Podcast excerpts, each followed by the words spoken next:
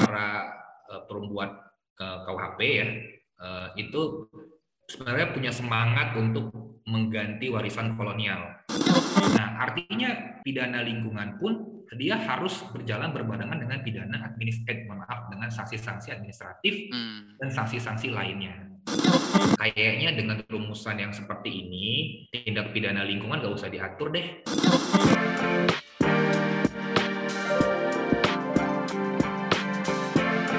Hai sahabat TCID, kalian sedang mendengarkan podcast Suara Akademia. Ngobrol seru isu terkini bareng akademisi. Halo, halo, halo sobat pendengar semuanya.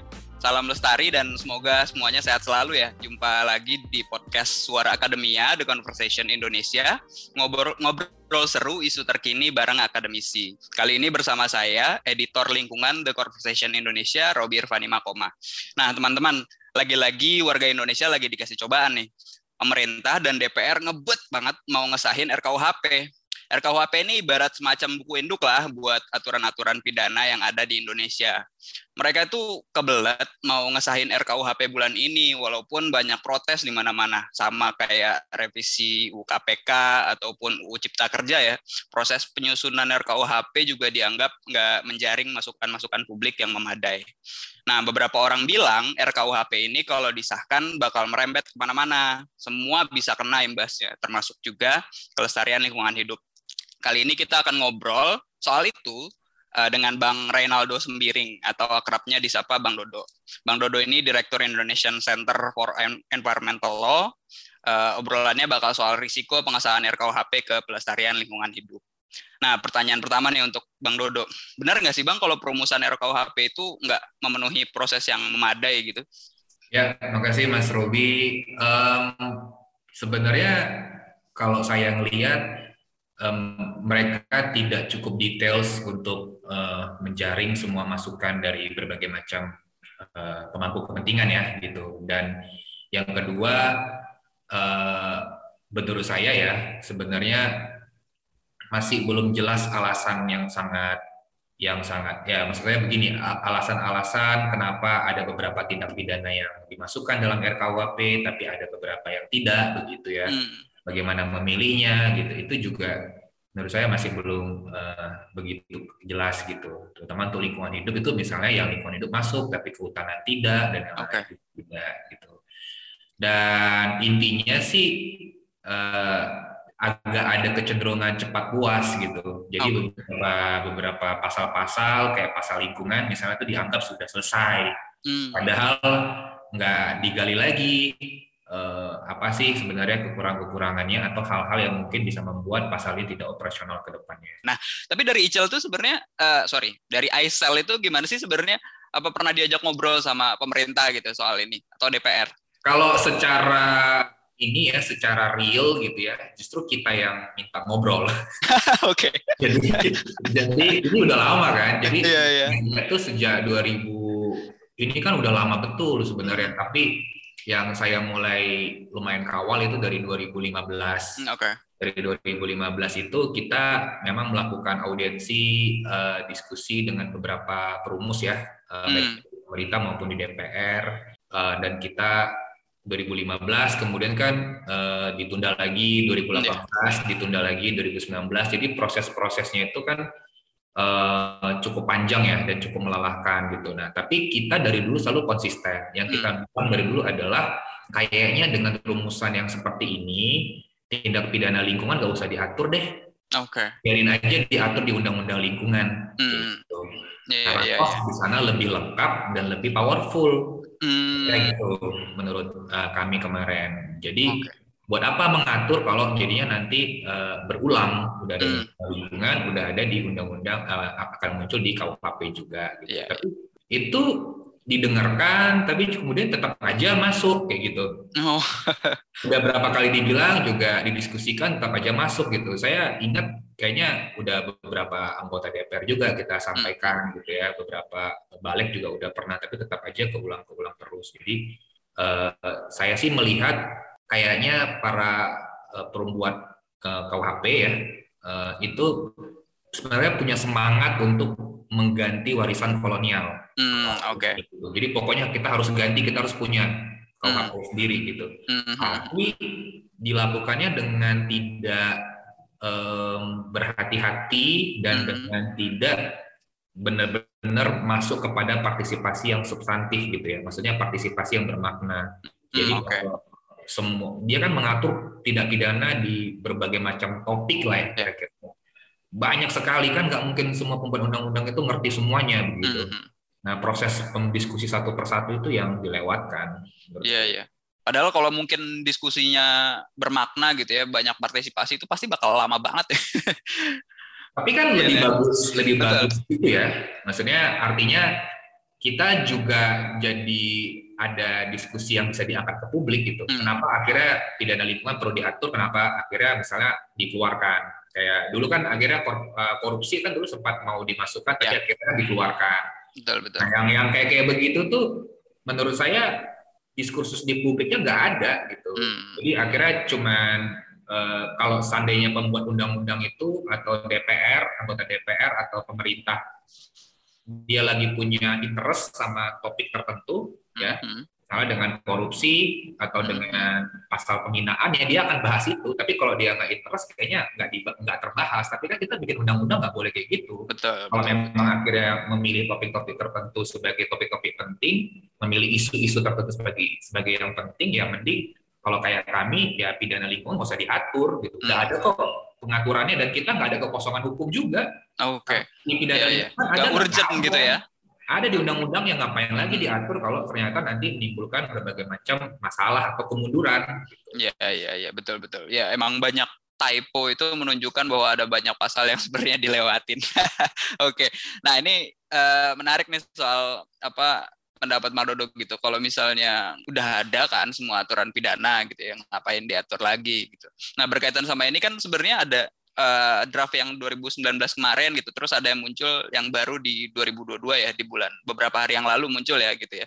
Itu ada perbedaan nggak sih Bang? Ada perbaikan nggak sih kalau menurut eh, analisis singkatnya Bang Dodo? Kalau saya itu kan lihat dulu dari draft yang sebelum 2018, 2018, 2019 sama yang sekarang gitu ya. Hmm.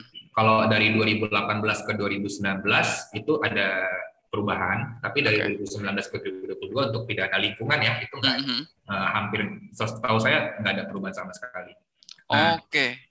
Tapi yang saya ingat 2019 dulu di dalam sidang eh, di DPR itu mereka mengatakan bahwa pembahasan tentang pidana lingkungan udah selesai ya, nggak ada isu lagi gitu. Jadi di Hmm. stop gitu. Oh, oke. Jadi, Jadi, dianggap Mereka udah selesai gitu. Mereka menyisakan pasal-pasal tertentu yang sekarang lagi rame itu, misalnya Hmm. terkait dengan unjuk rasa, penghinaan, segala macam. Dianggap pasal-pasal lain udah selesai.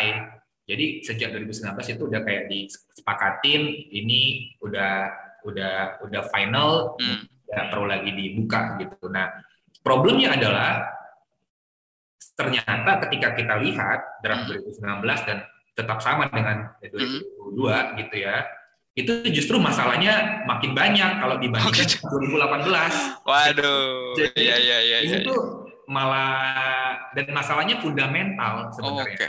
Apa sih Bang masalah-masalahnya Bang yang dilihat sama Aisel? Eh, saya ini juga ya, saya nggak tahu apakah ini memang karena ketidaktahuan atau ap- atau mungkin eh, kelalaian gitu dari perumus undang-undang gitu. Hmm. Cuman misalnya di pasal tindak pidana lingkungan saya lupa pasal 400 berapa itu ya. Hmm. Em, itu di ayat satunya disebutkan kalau saya coba cek itu kalau nggak salah di pasal 461 ya. Tapi dia disebutkan bahwa setiap perbuatan melawan hukum Mhm. Yang mengakibatkan uh, pencemaran atau kerusakan, Hmm. kira-kira gitu ya, itu uh, dibuktikan dengan terlampauinya baku mutu atau uh, dan kriteria baku. Jadi sederhananya kayak gini, sederhananya biar nggak pusing ya karena terlalu jelimet. Kalau di lingkungan itu, Iya. uh, kalau kita mau membuktikan satu pencemaran air, gitu, pencemaran sungai gitu ya, Mhm. atau pencemaran udara, itu indikatornya Mhm. atau alat ukurnya itu kita sebut sebagai baku mutu. Oke. Jadi kalau baku mutunya terlampaui, Hmm. standarnya terlampaui, tercemar gitu. Oke. Nah, kalau itu kan pencemaran, kalau Hmm. kerusakan itu kalau kita sebutnya sebagai kriteria baku. Nah, oke. Kalau kriteria bakunya atau standarnya itu terlampaui, berarti uh, terjadi kerusakan. Hmm. Nah, itu semua bisa dipidana, kira-kira gitu. Oke. Okay. Jadi tadi clear ya pencemaran itu baku mutu padanannya, uh, kerusakan itu kriteria baku gitu. Iya. Nah, sama si pembuat undang-undang KUHP ini hmm. yang berat pada 2022 itu, hmm. itu pencemaran pembuktiannya ketika terlampauinya baku mutu, baku mutu. dan kriteria oh. baku. Oke. Okay. jadinya. Jadi artinya kalau nanti polisi atau penyidik pegawai negeri sipil gitu ya, penyidik lah ingin membuktikan pencemaran, itu kan harusnya cukup aja dengan mengumpulkan sampel dan melihat bahwa oh ini sudah terlampau baku mutu. Sekarang enggak ngomongin pencemaran, dia harus buktikan terlampau baku mutu, hmm. buktikan kriteria bakunya. Dan tapi kan kriteria baku ini kan padanan kerusakan bukan padanan pencemaran. Oke oke oke. Jadi, jadi emang beda secara terminologi akan dampaknya jauh banget ya? Akan membuat pidana pembuktian dia ter, pembuktian atas pidana itu akan jadi lebih hampir mustahil gitu atau jadi lebih sulit gitu. Nah, maksud saya, saya curiga ini sebenarnya salah ketik karena karena pasalnya itu begini kira-kira create baku mutu lingkungan hidup dan hmm. kriteria baku kerusakan. Harusnya baku mutu atau hmm. kriteria baku. Ya, ya, ya. Nah, ya. kalau tadi dia pakai frasa atau gitu ya, dia pakai atau, ya itu udah cocok tuh pencemaran okay. padanannya baku mutu, kriteria kerusakan padanannya kriteria baku. Jadi ya. karena dia pakai uh, kumulatif, jadi pakai kata-kata dan, mm-hmm. jadinya untuk pencemaran pun harus dibuktikan. Dua-duanya harus dibuktikan gitu ya. Untuk kerusakan pun harus dibuktikan dua-duanya. Nah ini mm-hmm. memang cuma masalah satu kata, mm-hmm. tapi ini sudah melampaui kaidah-kaidah ilmu pengetahuan yang kita tahu sama ini. Iya, iya. Membuat kalau kita mau melakukan penegakan hukum pidana akan lebih sulit. Itu satu, hmm. itu baru satu aja. Hanya karena masalah satu kata gitu. Iya, iya. Mudah-mudahan typo ya. Mudah-mudahan typo ya. Mudah-mudahan typo karena kalau nggak typo agak menggelikan gitu. Iya. Benar, benar, benar. Mudah-mudahan typo dan mudah-mudahan pembuat undang-undang sadar untuk yeah. yang kayak gini tuh artinya udahlah kita harus cukup berefleksi bahwa nggak boleh kita bilang semuanya sudah final nggak perlu dibahas lagi gitu ya hmm. mungkin ada beberapa yang bisa jadi itu uh, typo atau klaim yeah. ya itu yang perlu diubah gitu itu baru hmm. satu ya okay. nah, yang kedua ini boleh lanjut ya boleh yang kedua itu sebenarnya uh, terkait dengan sanksinya, ancaman sanksi. Oke. Okay. Nah, kalau di undang-undang lingkungan, mm -hmm. mau itu undang-undang lingkungan yang bahkan sebenarnya di undang-undang cipta kerja juga nggak diubah gitu. Mm. Sanksinya itu dia pakai eh, bisa sanksi penjara uh. dan atau denda kira-kira gitu. Yeah. Nah sekarang sanksinya itu dialternatifkan penjara atau penjara denda atau gitu ya. Denda. Oh. Nah saya Dia lebih turun ya. Jadi sebenarnya begini, eh, kalau untuk nanti tindak pidana dilakukan oleh korporasi, mm -hmm. oleh perusahaan, mm -hmm. memang benar sanksinya cukup denda. Tapi tindak pidana korporasi di kita itu yang dihukum itu nggak cuma si perusahaan, tapi juga pelaku pelaku fungsionalnya kira-kira gitu. Oh, pengurusnya orang, gitu ya. Atau orang yang mengendalikan korporasi, misalnya dia oh, okay. dia menyu apa dia kira-kira mengendalikan supaya terjadinya kebakaran hutan atau apa gitu. Hmm. Nah, orang itu juga bisa diberikan uh, sanksi pidana. Permasalahannya hmm. sanksi pidananya itu ancamannya denda atau penjara kalau hmm. undang-undang lingkungan itu bisa denda dan penjara. Permasalahannya ya orang lebih milih didenda. Iya. Atau gitu ya kira-kira ini kita berandai-andai aja didenda. Lebih milih bayar ya. Dan dendanya itu cuma dua miliar. Oke. Iya, iya, iya, iya. Ya. Kita sama-sama tahu berapa sih keuntungan yang bisa didapatkan oleh kejahatan korporasi di sektor lingkungan sumber daya alam. Mm-hmm. Banyak itu buka aja tuh kajian KPK, kajian macam-macam mm-hmm. itu angkanya ratusan miliar gitu, bahkan okay. nyampe triliunan. Nah, mm-hmm. kalau saya sebagai saya misalnya sebagai pelaku kejahatan gitu ya, korporasi gitu ya, mm-hmm. terus kalau saya cuma didenda 2 miliar, ya ya udah saya happy aja. Oke. Okay. Iya iya iya. Jadi kalau misalnya perusahaan yang apa pembakar lahan gitu ya. Kalau mereka terbukti mereka cuma bisa lolos dengan hanya bayar 2 miliar gitu. Uh, hukumannya maksimal 2 miliar. Iya, maksimal itu juga Jadi, ya. Intinya kalau sanksi pidana itu kan harusnya bisa memberikan dampak yang uh, lebih besar daripada insentif yang didapat dari kejahatan. Iya, iya. Jadi okay. kalau ancaman sanksinya lebih besar dari apa yang dia dapat, benefit yang dia dapat, uh, dapat dari kejahatan, orang akan takut melakukan yeah. perbuatan pidana. Nah, tapi kalau ancamannya cuma misalnya untuk korporasi gitu, mm -hmm. miliar, ya kalau korporasi-korporasi besar ya itu kecil gitu. Iya iya iya. Tunjangan Jadi, mereka bahkan mungkin lebih gede dari itu. iya gitu. Dan dan bahkan undang-undang cipta kerja aja pun ya kita tahu mungkin ada beberapa hal yang dikritik ya. Itu nggak hmm. nggak nggak masuk ke ranah itu. Okay. Nah ini RKUHP sejak 2019 kayaknya cukup apa ya uh, bersemangat gitu hmm. untuk mengatur pengurangan sanksi ini ya. Iya, mengatur pengurangan sanksi dan dari dulu kita udah bilang ini hmm. ancaman selain tadi cuma maksimal 2 miliar itu ya karena hmm. kategori 6 ya. Hmm. Uh, ancaman sanksi penjaranya juga maksimal 9 tahun. Oke. Okay. Nah, kalau maksimal kalau saya mau bandingkan begini. Kalau dulu ini kita lagi bahas di di RKUHP itu pasal 344 ya supaya hmm. uh, nggak keliru. Oke. Okay. 344 ayat 1. Mm-hmm. Nah, itu padanannya di Undang-Undang Lingkungan itu pasal 95 ayat eh, 98 ayat 1. Nah, intinya begini, kalau di Undang-Undang Lingkungan yang lama untuk para pelaku kejahatan ini mm-hmm. itu ancaman dendanya itu dikasih batas bawah. Oke. Okay. Dendanya yeah, itu yeah. minimal uh, setahu saya, setahu mm-hmm. saya 3 miliar. Mm-hmm. Batas bawahnya maksimal 10 miliar. Mm. Nah, di RKUHP batas bawahnya nggak ada. Oh. Cuma dipakai batas atas 2 m. Okay. Jadi kan ke bawah itu bisa rendah banget ya? Rendah banget. Dan kita kalau orang-orang pidana tahu lah gitu ya. Mm-hmm. Gak banyak kok uh, putusan pidana di Indonesia ini yang yang masuk ke hukuman maksimal, sanksi maksimal. Hmm. Ya, jadi 2 m itu hampir jarang lah gitu kalau nanti terjadi ya di KUHP. Nyaris mimpi ya. Ya. kalau penjaranya, penjaranya di Undang-Undang Lingkungan, kalau mm -hmm. saya salah, itu minimal batas bawahnya itu tiga tahun, mm -hmm. batas atasnya 10 tahun.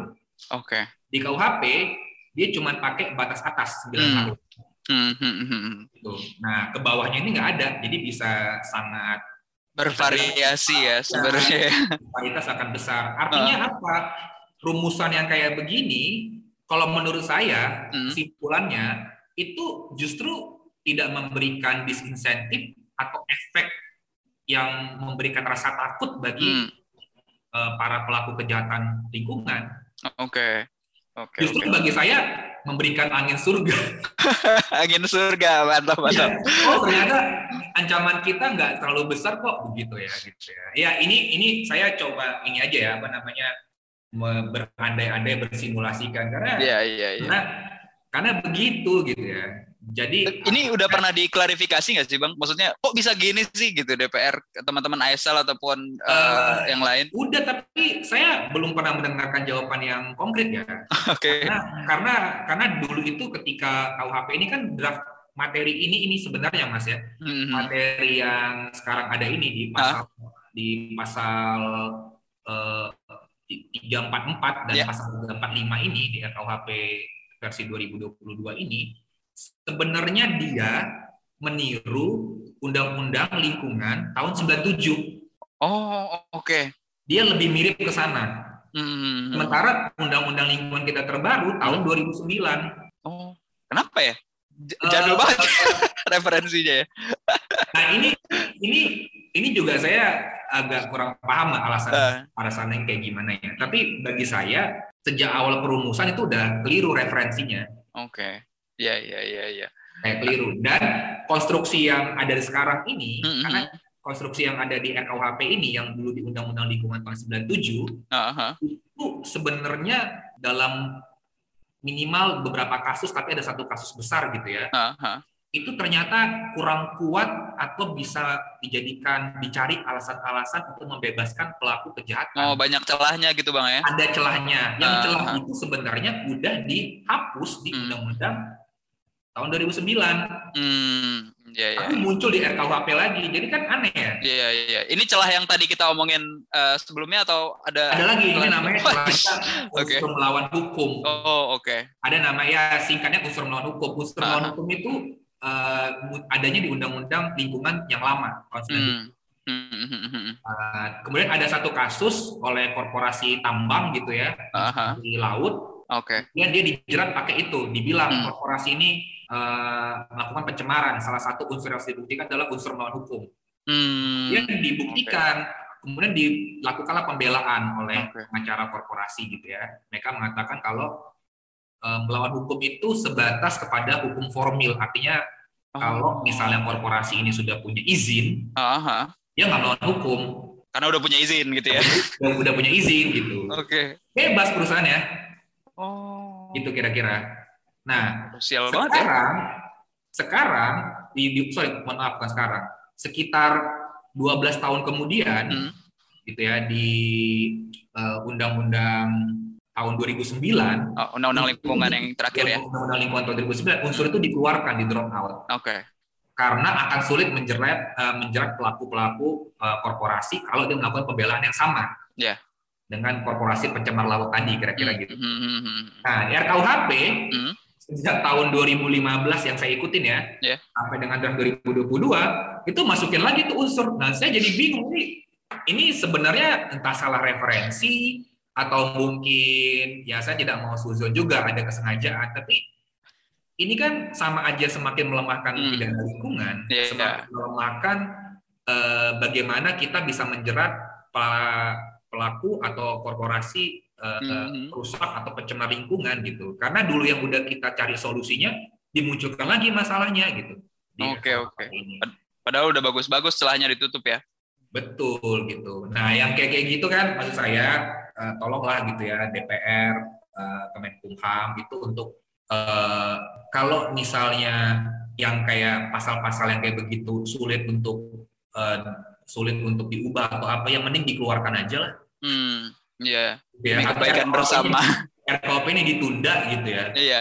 Kalau memang mau diatur pidana lingkungan, aturnya yang benar. Hmm, Oke. Okay. Betul, betul, betul. Nah, itu aja. Masalahnya kita minta dikeluarkan dulu nggak dikeluarkan. Hmm. Ditunda iya, tapi draftnya ada, tapi hmm. malah semakin uh, menurut saya semakin hmm. lemah. Oh, Oke, okay. iya iya. iya. Tapi bang, sorry nih, eh, di biasanya kan di undang-undang tuh ada naskah akademiknya ya kan. Jadi basis ilmiah kenapa bisa terbit pasal itu. Uh, itu ada nggak sih uh, landasan akademis kenapa itu diubah gitu? Dari Aisel pernah obok-obok soal itu nggak? Sebenarnya saya pernah baca tapi tidak menemukan jawaban yang konkret. Oke. okay. Jadi ada menurut saya itu di naskah akademik itu mensimplifikasi aja bahwa dia perlu mengatur pidana ini dengan hmm. alasan dan cuma begitu aja. Oke, jadi karena, di di generalisir gitu ya. uh, uh, uh, karena kan harusnya naskah akademik itu yang yang kita bicarakan ini, mm-hmm. misalnya ada kasus tadi uh, pakai undang-undang lingkungan yang lama 97, mm. yeah. uh, kemudian bebas gitu ya. Mm. Nah kalau gitu, kalau tadi naskah akademik itu misalnya bisa mengidentifikasi dan menguraikan itu, mm. harusnya nggak dimasukkan lagi unsur melawan hukum ya dia KUHP. Mm. Tapi kan naskah akademik tidak seperti itu. Mm, yeah. dan, dan akhirnya disederhanakan aja, disimplifikasi gitu, uh, dan kita tidak bisa menemukan alasan yang jelas, alasan mm. bahkan yang cukup uh, apa ya cukup memadai lah kenapa okay. mengaturnya kayak begitu. Nah, hmm. kira-kira begitu sih dan dan uh, pembuat undang-undang saya paham pembuat undang-undang itu uh, punya niatan sebenarnya kalau hmm. yang saya ikutin ya terakhir-terakhir ini untuk tidak gampang mem memenjarakan uh, orang. Hmm. Yeah. Ya, jadi ancaman sanksinya uh, pidana itu sebagai upaya terakhir, ancaman hmm. sanksinya beberapa direndahkan gitu ya. Hmm, hmm, Tapi ini agak beda untuk lingkungan. Oke. Okay. Nah, untuk lingkungan kita harus bisa memberikan ancaman yang serius, hmm. ancaman sanksi yang serius kepada pelaku kejahatan. Yeah. Yang pelaku kejahatannya itu 80% lebih ya. Hmm. Itu adalah perusahaan. Oke. Okay atau kejahatan terorganisir gitu. Hmm. Jadi ya, ya. jangan ancaman sanksinya dilemahkan. Iya, yang mana mereka tahu gitu ya bahwa itu ya. salah gitu ya. Iya, gitu loh. Maksudnya ini yang pelakunya ini adalah pelaku-pelaku korporasi yang punya duit. Hmm. Kayak begitu. Kalau dia cuma diancam dengan maksimal kategori 6 sekitar 2 miliar, hmm. rendah sama mereka. Ya, betul betul. 2 ya. miliar itu uang kecil tuh sama ya. korporasi di sumber daya alam. betul betul. Apalagi kalau harga lagi naik ya. Wuh, Nggak ada efeknya. Iya. Nggak ada efeknya gitu. Benar benar benar. Nah, itu kan ke soal itu ya Bang ya, ke lebih ke apa penjahat lingkungan gitu. Nah, ini kan beberapa waktu terakhir tuh marak kan nelayan yang nolak tambang pasir ditangkap gitu ya terus penolak tambang emas di penjara gitu nah uh, se pembacaan Bang Dodo nih nasib nasib orang ini nasib orang-orang ini tuh kayak gimana di nah, RKUHP ini menariknya ini menariknya pidana lingkungan menariknya itu begini untuk masyarakat mm -hmm. itu dia akan mengalami masalah yang sama atau para pejuang lingkungan ya akan mengalami yeah. masalah yang sama ancaman yang sama dengan masyarakat pada umumnya yang sekarang itu ramai dengan tagar semua bisa kena. Oh, Oke. Okay. Jadi masyarakat yang mengajukan misalnya berunjuk rasa hmm. Secara spontan hmm. tanpa ada izin gitu ya, itu kan bisa diancam pidana. Oh, Oke. Okay. Terus kalau dianggap menghina begitu hmm, yeah. diancam pidana gitu. Jadi dia punya ancaman yang sama dengan semua. Jadi hmm. masyarakat itu semua punya ancaman yang sama. Tapi ancaman itu ternyata tidak berlaku untuk uh, pelaku kejahatannya, hmm, yaitu hmm. adalah korporasi. Jadi korporasi tadi itu malah dia lebih rendah, lebih rendah dan cenderung uh, tidak memberikan efek takut atau yeah, malah sebenarnya dalam tanda petik malah memberikan insentif bagi yeah. korporasinya. Angin nah, surga buat surga. korporasi ya. Masyarakatnya ini nih, hmm. masyarakatnya ini ya saya melihat banyak sekali kasus-kasus katakanlah ya pelanggaran hak terhadap mereka yang memperjuangkan lingkungan mm -hmm. baik itu dalam bahasa awam dikriminalisasi mm -hmm. Ditangkap adanya upaya paksa atau adanya pembungkaman segala macam mm -hmm. itu terjadi ketika sedang memperjuangkan haknya uh, atas lingkungan hidup. Oke. Okay. Ya, ya, ya. Nah, RKUHP itu tidak memberikan solusi yang konkret. Oke, okay, oke. Okay. Jadi orang-orang yang itu misalnya dia tidak menyentuh pidana tambang gitu ya hmm. atau menghapus pidana tambang yang memungkinkan masyarakat dikriminalisasi karena dianggap merintangi atau menghalang-halangi usaha tambang atau truk tambang atau transportasi tambang. Dia enggak oh. mengakomodir itu, malah ruang-ruang kayak pasal unjuk rasa itu tetap dibuka gitu hmm. ancaman pidananya. Loh, kan sekarang kalau masyarakat di daerah ya, yeah. bayangkan ya masyarakat yang sedang punya kebun, punya ladang di daerah-daerah terpencil. Hmm. Kemudian dia mau berunjuk rasa yeah. dari kampung dia sampai ke pusat kota itu udah bisa sampai satu jam, Betul. jam. Nah disuruh ngurus izin. Harus bikin laporan ya. Dulu. Ya, uh. berunjuk rasa cuma 10-15 orang gitu ya karena dianggap nanti misalnya ada truk tambang yang lewat. Ini kasus real kayak gini banyak loh. Oh, Oke. Okay. Jadi di kampung dia itu dia sedang uh, katakanlah ya mengusahakan ladangnya mm-hmm. secara tradisional, tapi di sebelah itu ada tambang. Mm-hmm. Truk tambang lewat, nah. akhirnya ada debu masuk ke rumah-rumah dia. Yeah. Atau mungkin uh, karena ada aktivitas tambang mencemari sungai, akhirnya uh, tambak ikan dia di sungai. Ya, uh, mati semua ikannya ya. Ya tercemar gitu ya. Mm-hmm. Nah kemudian dia melakukan protes gitu. Mm-hmm kampung dia jauh dari dari kantor bupati. Iya. dari pusat pemerintahan gitu. Iya. Nah, itu ini ini kan logika kota-kota ya. So, logika kampung di daerah-daerah remote belum lagi jalannya putus. Nah, itu ya. mereka menyampaikan aspirasi mereka itu butuh buat ini, butuh Betul. buat izin padahal itu kan haknya mereka gitu. Dan yang mengerikannya bagi saya adalah kecenderungan kita mm -hmm. para penegak hukum di Indonesia ada namanya semacam diskresi dalam penegakan hukum. Hmm, Oke. Okay. Jadi diskresi itu mereka secara subjektif bisa menentukan untuk melakukan upaya-upaya tertentu dalam hmm. rangka penegakan hukum. Hmm. Perlu kalau perlu mengamankan, hmm, perlu ya, ya. memproses pidana begitu. Yeah. Harusnya kan diskresi untuk aparat penegak hukum ini diperkecil mm, yeah. dalam, dalam konteks di lapangan ya. Yeah. Diskresi itu muncul di kebijakan, yeah. bagusnya di peraturan, bukan di pagar gitu ya? Ya, pagarnya itu di aturan mm, gitu. Nah, jangan semakin banyak diskresinya nanti diberikan di lapangan gitu. Kalau di lapangan itu kan kondisinya akan beda, subjektivitas akan sangat mempengaruhi pengambilan keputusan. Kasihan masyarakat yang misalnya memperjuangkan haknya tadi contohnya hmm. pas uh, tambang kira-kira gitu. Oh, Okay. Nah, Bang, setahu gue tuh undang-undang lingkungan itu kayak apa ya mengecualikan apa kriminalisasi warga yang berjuang buat lingkungan itu. Gue pernah baca soal itu. Itu uh, diubah atau diatur lagi gak sih lebih detail di RKUHP gitu? Uh, KUHP nggak masuk ke sana. Oke. Okay. sebenarnya mungkin bisa. Hmm, hmm, harusnya dia bisa misalnya menjadikan itu uh, ya ini kan kita sedang berandai-andai ya dia Hmm. bisa menjadikan itu sebagai unsur pemaaf itu harusnya Iya. KUHP bisa tapi KUHP tidak masuk ke sana walaupun dalam perkembangan yang terjadi sekarang ya hmm, hmm, di luar KUHP gitu juga maksudnya secara umum hmm, hmm, ada namanya keadilan restoratif jadi hmm. uh, untuk kasus-kasus kecil yang rata-rata ancaman di bawah lima tahun gitu Ya. memang perkaranya uh, bisa dihentikan Oke. tapi kan persoalannya adalah kebanyakan ancaman itu di atas lima tahun. Hmm. Kalau udah pakai undang-undang kayak undang-undang tambang misalnya, undang-undang minerba ancamannya tinggi gitu ya. Oh. Kemudian eh, dalam banyak kasus pengecualian untuk tidak dikriminalisasi, untuk tidak Mhm. dipidana itu sangat sulit terjadi. Oke. Dalam konteks putusan kita baru punya satu kasus Oh. dari ribuan kasus-kasus yang diduga Hmm. uh, ini adalah proses hukum yang dipaksakan atau dalam bahasa awam disebut sebagai kriminalisasi diduga ya. Hmm. Nggak diduga kena ini lagi bro. Oke, semua bisa kena. Ya. Berarti bisa. apa ya? Eh, kebijakan itu eh aturan yang larangan krim- kriminalisasi itu sejauh ini masih cuma di atas kertas ya. Susah diterapkan di lapangan buat pejuang. Harusnya kalau pembuat undang-undang DPR Hmm. serius ya itu diterjemahkan di KUHP, Hmm. diterjemahkan di KUHAP, Kitab Undang-Undang Hukum Acara Pidana. Oke.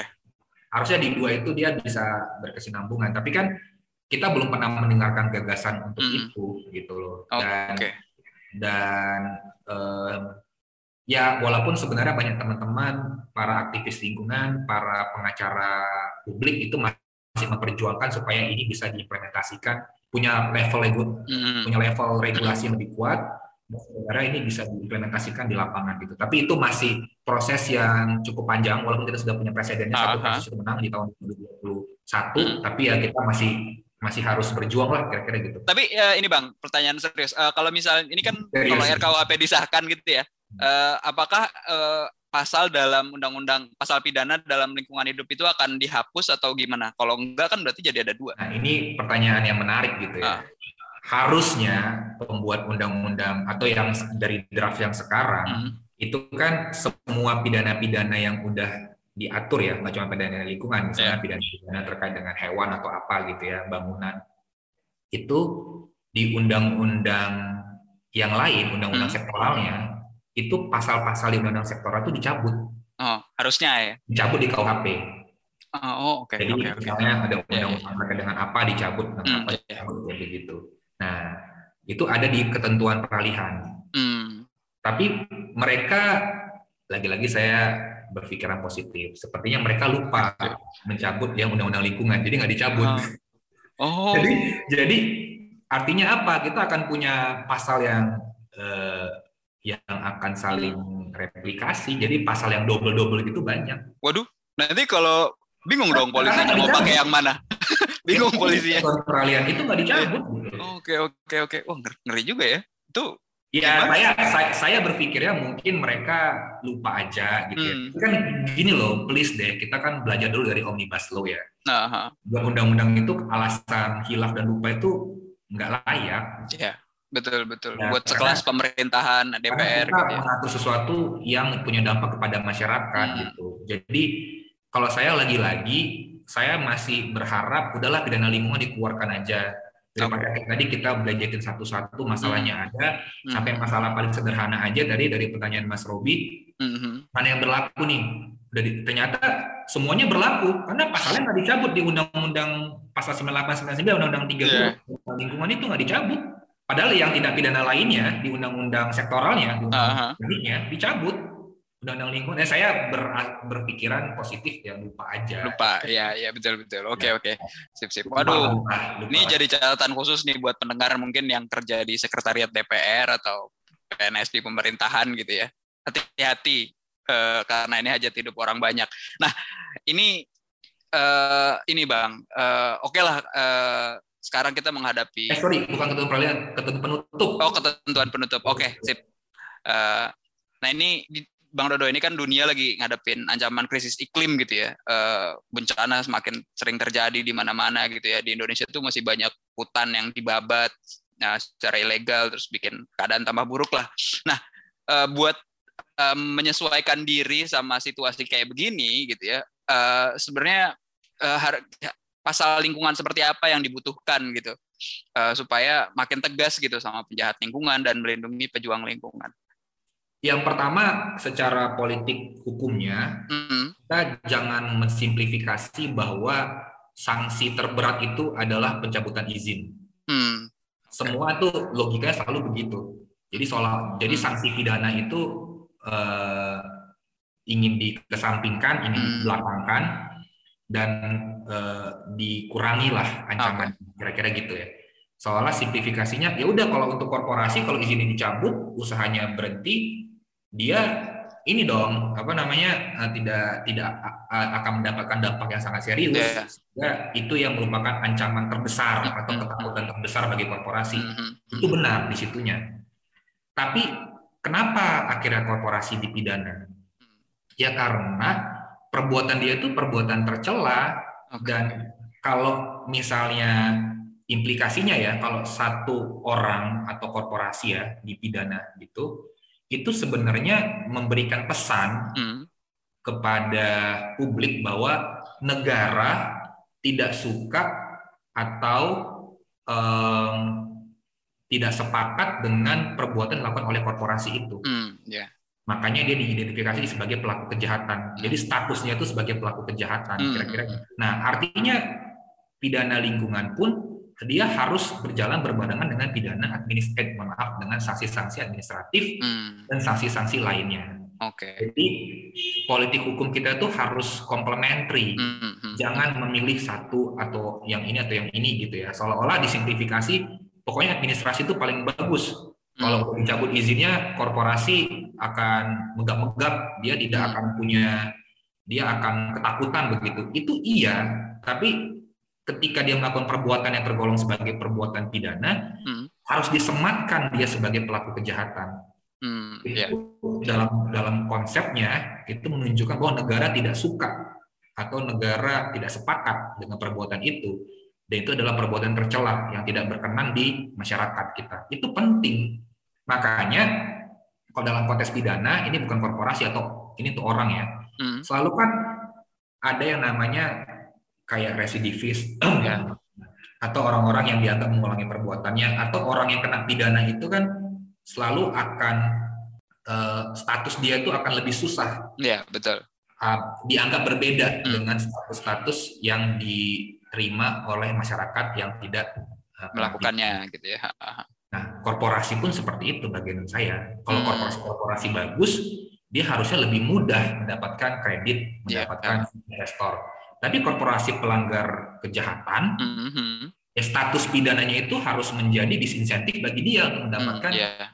uh, investasi gitu ya, investor atau mendapatkan uh, benefit lainnya begitu. Mm, yeah, nah, yeah, betul betul. Itu yang saya min saya dari dulu selalu ngomong, kita nggak boleh memilih dua-duanya berjalan beriringan. Mm memang pada beberapa jenis pelanggaran akan ada pilihan-pilihan, tapi hmm. tidak bisa secara generik kita bilang ya ini di pidana paling belakang deh gitu, enggak kayak gitu. Oke Bang Dodo, kita udah masuk di uh, sesi terakhir nih uh, di kesimpulan ya. Kalau tadi aku simpulkan uh, memang draft RKUHP yang 2019 sama 2022 itu enggak banyak perubahan, masih ada uh, typo gitu ya, uh, typo-typo yang berdampak luas uh, pada penindakan uh, pelanggaran dan kejahatan lingkungan hidup gitu ya. Malah ujung-ujungnya jadi uh, angin surga gitu buat uh, korporasi ataupun penjahat lingkungan yang lain.